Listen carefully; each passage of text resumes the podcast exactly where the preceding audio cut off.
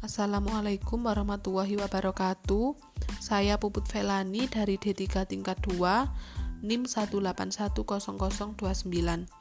Penelitian eksperimental sungguhan adalah penelitian yang secara penuh mengontrol semua faktor yang kemungkinan mengganggu validitas internal sehingga hal ini dapat memberikan kemantapan hasil yang dicapai sebagai efek perlakuan. Jenis-jenis rancangan penelitian eksperimental sungguhan ada dua yaitu post-test only control design dan pre-test post-test control group design. Tujuannya yaitu menyelidiki kemungkinan saling hubungan sebab akibat dengan cara mengenakan kejadian acak lebih dari satu grup yang khusus diciptakan untuk eksperimen dan memperbandingkan hasilnya. Penelitian eksperimental semu merupakan rancangan penelitian eksperimen yang dilakukan pada kondisi yang tidak memungkinkan mengontrol atau memanipulasikan semua variabel yang relevan. Tujuannya yaitu untuk mengungkapkan hubungan sebab akibat dengan cara melibatkan kelompok kontrol di samping kelompok eksperimen. Namun pemilihan kedua kelompok tersebut tidak dengan teknik random.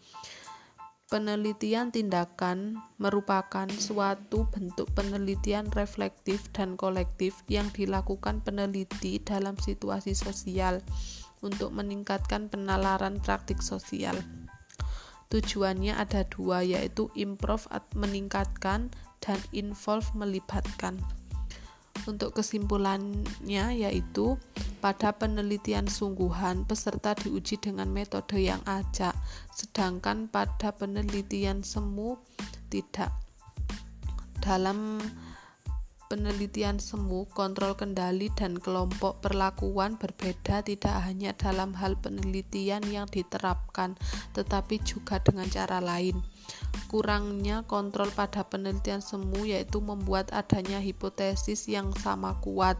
Hal ini bisa dijelaskan dengan manipulasi beberapa variabel data.